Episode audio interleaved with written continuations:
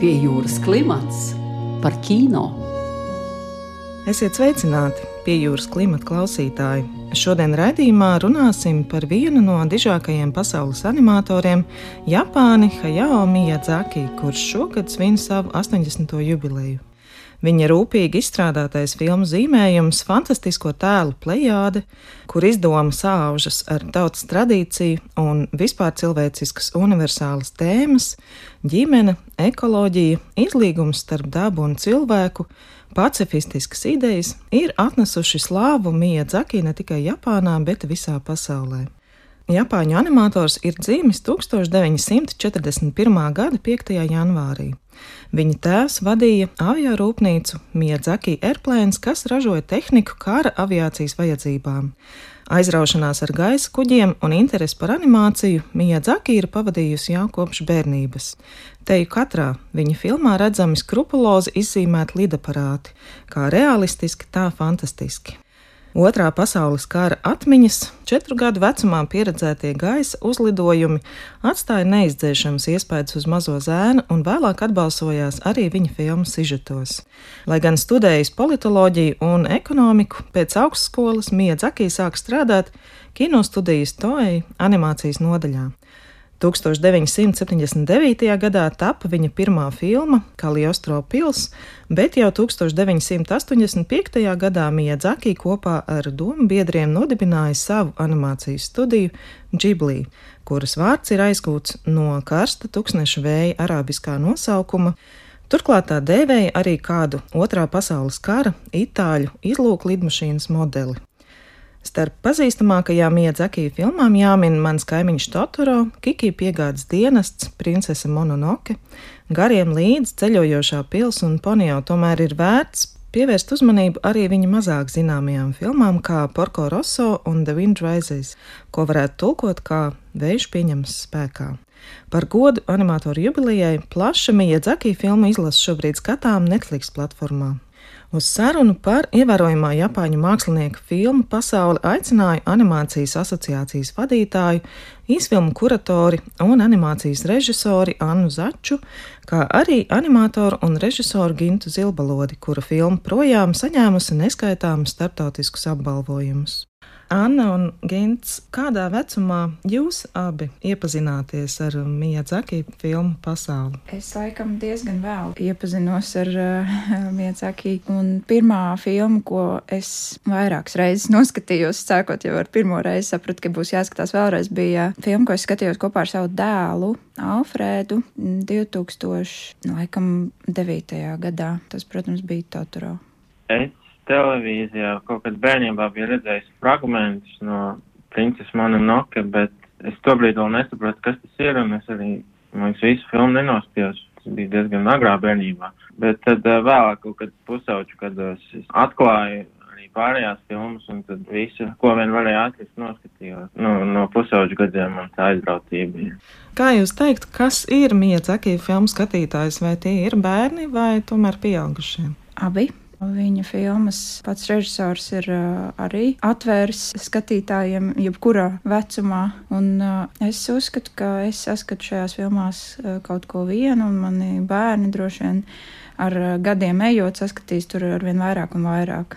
Man liekas, ka viņam tiešām rūp tā bērnu auditorija, un viņš bieži runā, ko viņš gribētu pateikt bērniem, bet filmas ir pilnīgi skatāms un baudāms arī pieaugušiem, un viņš nemēģina tajās bērnu filmās kaut kā iesprost kaut kādas dziļākas tēmas, bet viņš respektē tos bērnus un tādā veidā arī respektē to pieaugušo skatītāju. Man liekas, ka tur ir grūti iedalīt, kam tā filma ir domāta, jo man liekas, viņa ir arī tāda ļoti personīga pašam Miezaki. Viņš tik ļoti, man liekas, nedomā par tādām mērķa auditorijām kā kaut kādas citas rietums studijas. Kādā animācijas tehnikā strādā Miedzaki, un vai tas, kā viņš uh, veido savus filmas, ir transformējies gadu gaitā? Nu, viņš tādā zīmētā tehnikā vēl joprojām arī zīmē uz papīra. Tagad jau kopš 90. gadu beigām viņa filmas tiek skanētas un krāsotas digitāli, bet viņš vēl zīmē papīra. Viņš taisīja arī nesen eksperimentus 3D animācijā, vienu īsfilmu viņš uztaisīja, bet par laimi tagad, man liekas, viņš ir atgriezies un turpinās atkal zīmēt uz papīra. Bet tas ir diezgan rets droši vien gadījums mūsdienās, ka joprojām filma tiek veidota kā zīmēta animācija. Jā, un cik es nojaušu, viņiem arī nepietiek tā darba spēka turpat Japānā, un, un nepārtraukti ir jāapmāca jauns darba spēks un jāizgūst darbinieki no citām valstīm.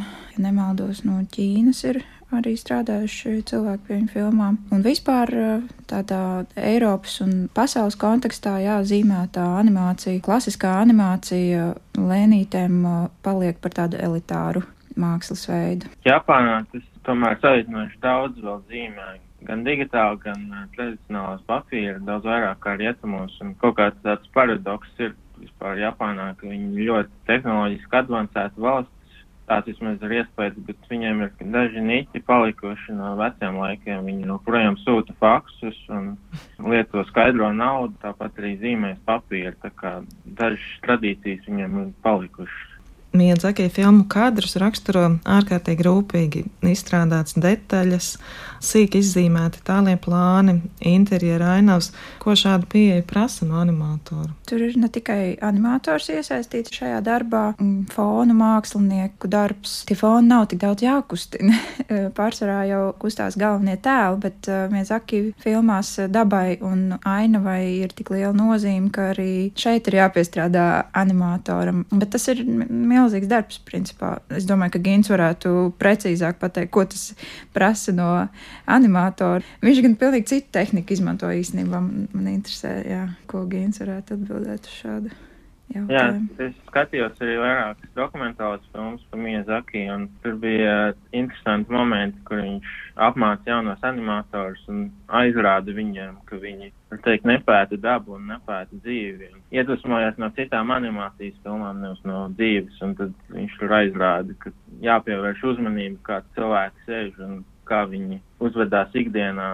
Un, kad skatās tās filmas, tur tiešām to var pamanīt, ka tie tēli uzvedās salīdzinoši varbūt ar citām Japāņu animācijas filmām tā neprognozējami un kaut kā dabīgi. Un arī ir tās visas detaļas tik ļoti izpētītas, ka kaut kā tas tieši animācijā tam vairāk pievērš uzmanību. Teiksim, ja ir kaut kāds kadrs ar ļoti detalizētu ēdienu tajā animācijas filmā, tad viņš var izskatīties vēl garšīgāks nekā, ja tas būtu, teiksim, uzfilmēts īstēdiens. Kad tu redzi to, ka tur tik daudz darbs ieguldīts, lai to panāktu, tad man vismaz personīgi, ka pašam strādājot animācijā, brīžiem tas pat nedaudz novērš uzmanību. Es domāju par to, cik tur daudz ir darbs ieguldīts un dažreiz aizmirst. Jūs līdzi sižetam. Un, nu, tāpēc, man liekas, ja tās filmas var tik daudz reizes skatīties, jo tur ir tik daudz sīkumu, ko var pamanīt. Un tāpēc viņas arī turpina būt aktuāls. Miedzaki skolas gados Japānā populārs bija Osamu Tezuka un arī citi mangu mākslinieki.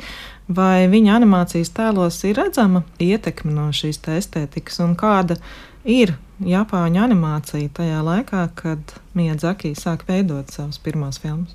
Viņš sāk strādāt uh, ar animāciju jau uh, ja nemaldos, 70. gados, un uh, viņš strādā pie TV seriāliem. Un šeit ir diezgan izteikta tā estētika, kas ir raksturīga arī Japāņu animē turpmāk. Un, uh, manuprāt, viņš ļoti samaidzina šo animē estētiku, bet viņa nepazūd. Viņa kaut kur ir redzama, un viņš padara to dzīvāku, dabai tuvāku un arī savam rokrakstam kaut kādā mērā atbilstošāk. Bet viņa zīmējumi ir fantastiski tēli tēlu zīmējumu. Šādu tēlu nekad nav bijis.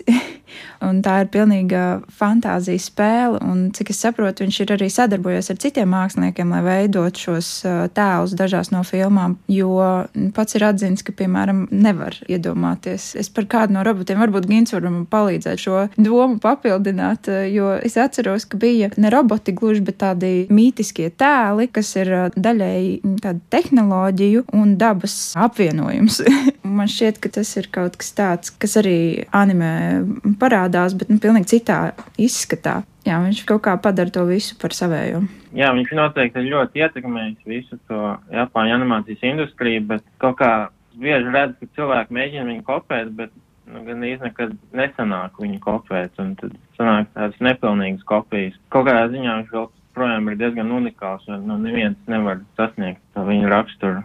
Tad jūs to visu tomēr piedāvāt vairāk animatoru fantāzijai šos te, piemēram, koku gariņus vai dvēselītes, ko mēs redzam princesē Mononoke, vai gariem līdzi iespaidīgo personāžu klāstu, ja tomēr tur ir arī Japānas tradicionālā kultūra, Japānas teātris varbūt. Jā, tas ir tā šinto reliģija, ko viņš pats varbūt nedaudz piedzīvojis un adaptējis, bet no tā šinto reliģija ir tā, ka viņiem ir tie daudzie dažādie gari un, un dievi. Un vispār interesanti, ka viņam tikai par teikt, sākot no 97. gada filmas Princess Mononoke, tā viņam bija tāda nedaudz atgriešanās tādā Japāņu kultūrā. Viņš iepriekš pārsvarā taisīja tādus Eiropas vai Rietumu stāstu adaptācijas, un kā, nu, bija tāds mikslis starp to Japāņu jūtīgumu un kaut kādiem rietumu stāstiem, bet vēlāk viņš tikai atgriezās pie tās pašas Japāņu kultūras. Un, man liekas, arī tas kaut kā arī palīdz ja viņu stāstiem būt tik uh, populāriem pasaulē, ka viņš kaut kā māk sabalansēt tās dažādas kultūras un kaut kā atrod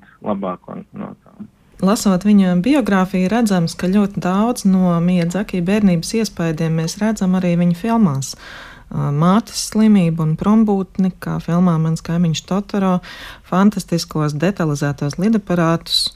Miedzaki tēvocim piederēja avio rūpnīca, kur pārvaldīja viņa tēvs. Ko šāda atmiņu, savas pieredzes ievīšana sniedz režisoram, vai tas ir materiāls, ar ko var strādāt visdrošāk un vispatiesāk? Nu, es domāju, ka viņam tā nedaudz apsēstība par aviāciju biežiem ir kaut kādas sēklas tiek iesētas bērnībā, un tad, tad viņas ir palikušas visu mūžu. Tad var redzēt, ka viņš atgriežas laikvietās tēmas, un viņam ir gandrīz katrā filmā ir vismaz aina, kur tēli lido.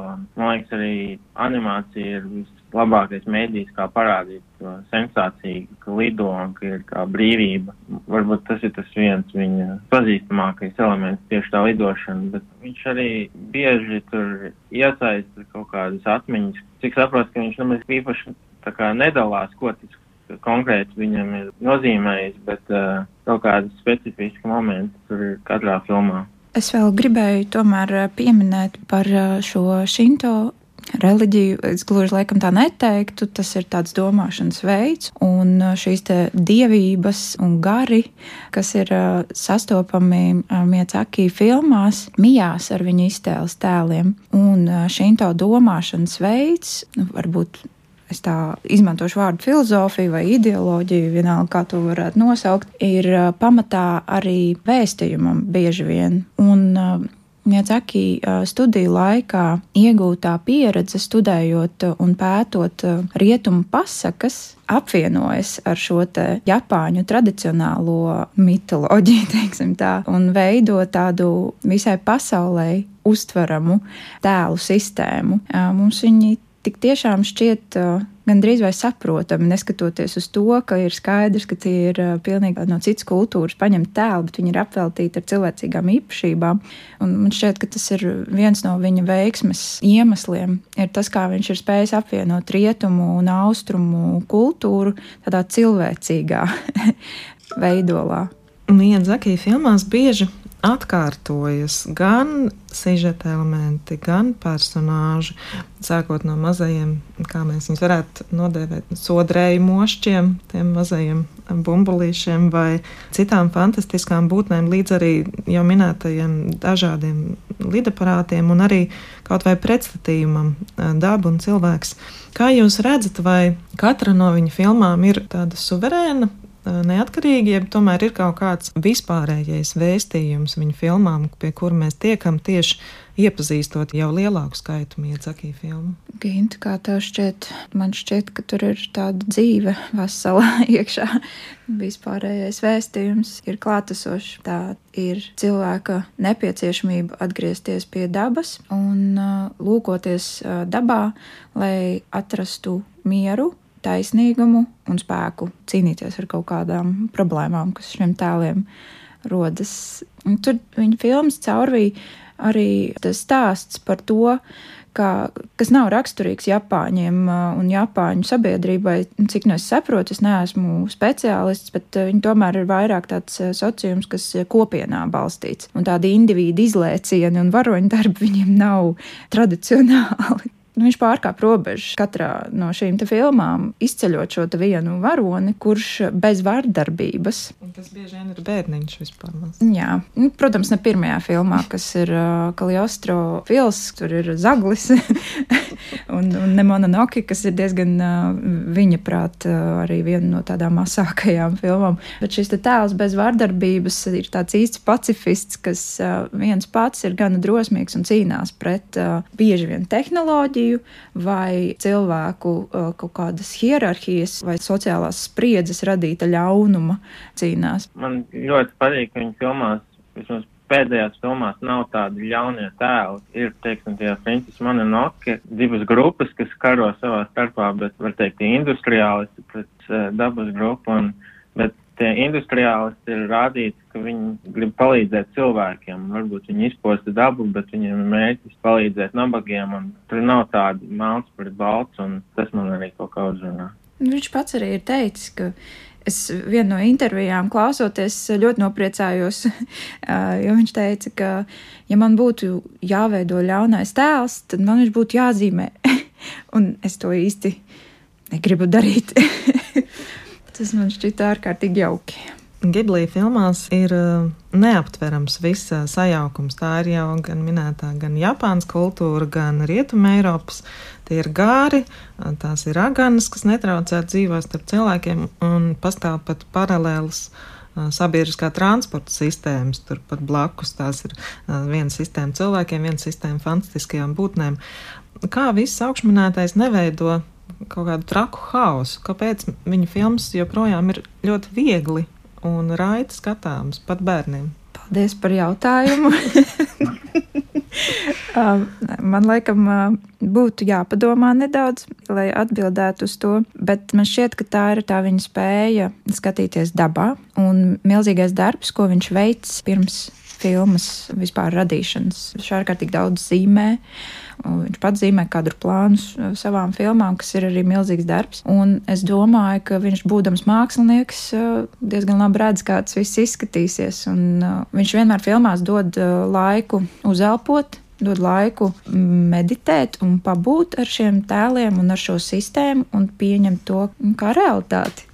Tā ir tā viņa spēcīgā fantāzija, manuprāt, arī plašā fantāzija, kas palīdz iemiesot šos tēlus un pieņemt to visu kā, kā jā, kā patiesība, kā tāda vērtība. Jā, varbūt tas, ka viņš ir tas filmas autors, kas tur arī nedaudz paradoks, ka vismaz iespējas tāds, ka Japānā ir tā sabiedrība tāda saliedēta un visi strādā kā komanda, pretēji, teiksim, rietumu individuālismam.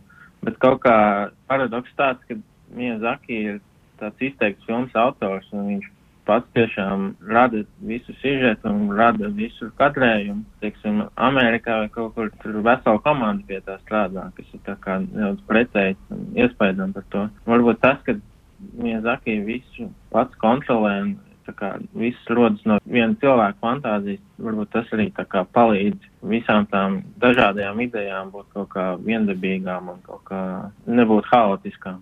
Giblī filmu varoņi dzīvo tādā kā mm, distopiskas fantāzijas un vēsturiskās kostīm drāmas hibrīda telpā. Piemēram, ceļojošajā pilī satiekas Sofija, kas tērpjas atbilstoši 20. gadsimta pašam sākumam, un Burvis Hāls, kurš atgādina Japānas mūsdienu popmūzikas varoņus. Kāds ir laika jēdziens Miedzakī filmās, un vai tam, kad norisinās šie notikumi, kāds mēs redzam, vispār ir nozīme? Man liekas, ka viņam filmās, kur redz tādas Eiropas pilsētas, viņš kaut kā diezgan arī romantizē to laiku. Un, man liekas, es dzirdēju, ka viņš to raksturo.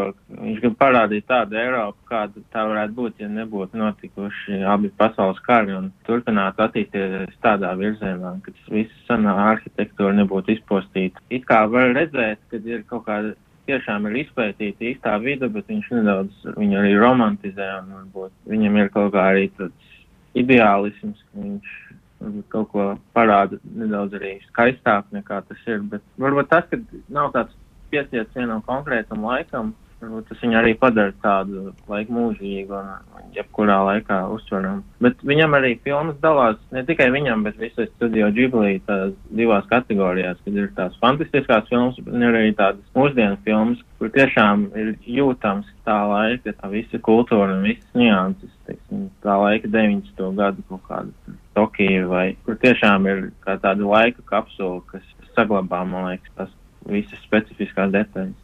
Plašāku startautisko popularitāti Miedzaki filmas ieguva jau vairāk kā desmit gadus pēc studijas izveidošanas ar filmām Princese Mononoke, gariem līdzi, kas saņēma arī Oskaru kā labākā animācijas filmu. Kādēļ tieši šīs bija tās pirmās filmas, kas izpelnījās ievērību ārpus Japānas? Šīs filmas bija Japānā vienkārši super mega hīti, kas, var teikt, visi Japāņi redzēja. Un, ja filma ir tik populāra, tad arī ārzemēs viņām pievērš uzmanību. Un, man liekas, būtu arī iepriekšējās filmas guvuši lielu uzmanību, bet, uh, nezinu, varbūt uh, Japāna bija agrāk pieradusi veidot un skatīties animācijas filmas, kas nav tikai bērniem, un tad varbūt rietumiem pagāja nedaudz laiks, lai viņi jā, saprastu to vērtību un tikai vēlāk to atklāja jā, tā kā man liekas, tā mononoke gariem līdzi varbūt uzsāka to vilni un arī, man liekas, pēc tam arī visu citu Japāņu animāciju bija baigā interesi rietumos un tas tā kā atvēra tās durvis, man liekas. Jāsaka, ka pat uh, gariem uh, līdzi bija tīkamāka tātad rietumu skatītājiem un kino kritiķim, jo Princese Mononoke vēl bija par svešādu, un tā neizpelnījās tik lielu skatītāju loku un arī izpratni, bet uh, gariem līdzi, kas ir uh, principā coming of age stāsts kaut kādā mērā, tā gan atvēra uh, visas pasaules skatītāju sirdis. Kā jums šķiet, kādi priekšnoteikumi ir veidojuši Japānas kā animācijas lielvalsts tēlu? Lielais uh, animācijas filmu skaits, uh, grafiskās noveles kā viena no pamata patēriņa precēm vai kultūras produktiem šajā valstī, manuprāt, ir padarījuši šīs valsts skatītāju un auditoriju par ļoti atvērtu animācijai būtni, un tādēļ arī tas milzīgais filmu skaits ļoti produktīva valsts. Šķiet, 60% animācijas vispār tiek ražotas Japānā, ja es nemaldos, bet tas iespējams, ka tikko izvilku šo ciparu no zila gaisa, bet pieņemsim manuprāt, tas atšķirīgums un tā intensitāte, kas ir anime, jo anime ir ļoti intensīva animācijas filma, un savukārt studio Ghibli filmas ir eh, jau mazliet eh, vairāk tuvākas mūsu izpratnē par to, cik viņai ir jābūt plastiskai un, un cik agresīvai, tātad neagresīvai pārsvarā. Bet Japāņu anime ir izpelnījies milzīgu, milzīgu fanu loku uz pasaules. Un, manuprāt, tas ir tieši tam dēļ, ka tas ir kaut kas pilnīgi cits. Kaut kas pilnīgi neredzēts. Bet nu, savā ziņā tas ir arī pieredums skatīties animāciju, kas varbūt nāk no šīm grafiskajām novelēm, ka viņi pierod skatīties šo zīmējumu, un pēc tam tas atkal jau kļūst eh, kustīgs šis zīmējums. Es domāju, ka noteikti tāpat kā mēs eh, Latvijā esam pieraduši skatīties bērnu grāmatas ar izcilu mākslinieku darbiem, un tad pēc tam spējam uztvert uh, un baudīt animācijas filmas, kas ir uh, savā vizuālajā valodā īpatnējas un neierastas visā pārējā pasaulē, teiksim tā, un, un masu produkcijā nekad nav sastopams. Tāpat arī anime, kas ir tāds vairāk jau populārs, bet ļoti saudabīgs un specifisks stils. Uh, jā, noteikti. Nu, viena no lietām, kas ir palikusi arī uh, Miyazaki un Ghibli studijas darbos, ir uh, šīs sejas izteiksmes un citas ekspresijas, kas apzīmē kaut kādas sajūtas, kuru nolasīšana tur ir vesela tur bībele, kā nolasīt, kurā vietā, kurš punktiņš ko nozīmē. Es šo pasauli nepazīstu, bet tā man šķiet varētu būt ļoti interesanta lieta, ko papētīt, jebkuram, kam interesē anime. Gint, tu esi viesojies uh, Miyazaki studijas muzejā. Kā ir veidota tā ekspozīcija? Jā, kad es devos uz Japānu, tas bija viens no galvenajiem mērķiem, kurus gribēju nokļūt. Un, jo tur aizliedz jebko fotografēt vai kaut ko. Tāpēc ir tā mistika par to. Man ļoti gribējās tur nonākt, jo pats Miyazaki ir ļoti daudz laika veltījis šim muzejam. Un, uh, tā ir tā kā gan īsts uh, turpinājums tai viņa daļradē. Un uh, tur arī tiek eksponētas vairākas īsfilmas, kas nekur ārpus šī muzeja nav redzamas. Un, iespējams, arī nebūs redzamas. Viņus var redzēt tikai tur. Un tur var redzēt to, ka uh, tas muzejs ir veidots arī ar bērniem prātā, ka tur ir visādas mazās durtiņas, kur tikai bērni var iziet. Un es domāju, ka tur būtu ļoti vērtīgi no, nonākt maziem bērniem. Es, es tur biju varbūt nedaudz par vēlu, bet tāpat bija. Brīnum sajūta arī tāpat bija. Nedaudz bija tā sajūta, kā atgriezties bērnībā. Un, uh, Viņa laiž iekšā muzejā tikai ierobežotu meklētāju skaitu.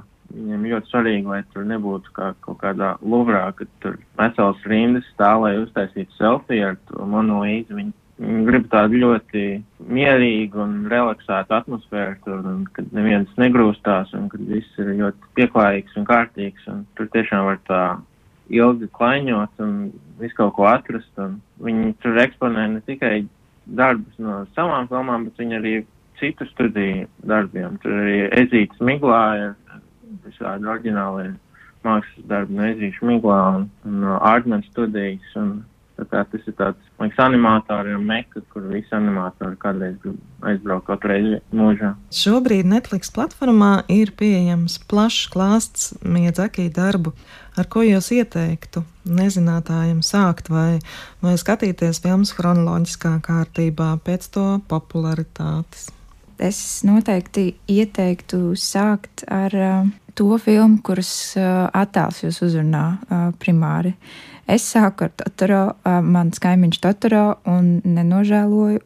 Jāsaka, ja es būtu uh, sākusi ar uh, Porko Rosso, piemēram, vai uh, šo te lupi, nu, Kaliostro pili, es varētu šķiet maldīties savā priekšstatā par to, kas ir Miezaki. Jo šīs ir tādas divas filmas, kurā vadošie tēli ir tādi bandītiski vīrieši, kas ir arī ļoti apburoši, labsirdīgi savā dziļākajā būtībā, bet ļoti liela daļa Miecaki filmu ir tieši sievietes galvenās varonas, mazas sievietes, jaunas sievietes, kas sevī atrod drosmi cīnīties par labo un par dabu lielākoties. Manuprāt, tās ir tās filmas, ar kurām vajadzētu droši vien sākt. Un, bet nu, Totoro tā ir vienkārši tāda ļoti baudāma pieredze. Jā, es domāju, Totoro ir labs sākums. Var arī sākt ar Princesi Mononoke, bet, lai gan varbūt tā ir tāda vispieaugušākajā auditorijā no visām viņa filmām, tā kā varbūt tā nav tāda pirmā filma, ko bērniem rādīt. Var arī sākt ar gariem līdzi. Tas varbūt būtu kaut kas tāds vissvešākais auditorijām, kas nekad neko tādu nav redzējuši. Bet varbūt ir tieši labi sākt ar kaut ko tādu tiešām visoriģinālāko, visunikālāko, un, un tad sāk no tā gala. Jo es domāju, ja neko tādu nav redzējis, tad tas var būt kaut kas ļoti spēcīgs. Tā es teikšu mm, paldies par sārunu, Anna un Ginta. Un tad jā, droši vien tiekamies, tiekamies Netflix platformā, kā, kā jau ir daudz šobrīd, un ienirstam Miedzakī filmu pasaulē. Studijā viesojās Anna Zača un Gina Zilbalodis. Pie jūras klimata vadīja Sonora Broka un Monteja Judīta Bērziņa. Raidījums tapis ar valsts kultūra kapitāla fonda atbalstu.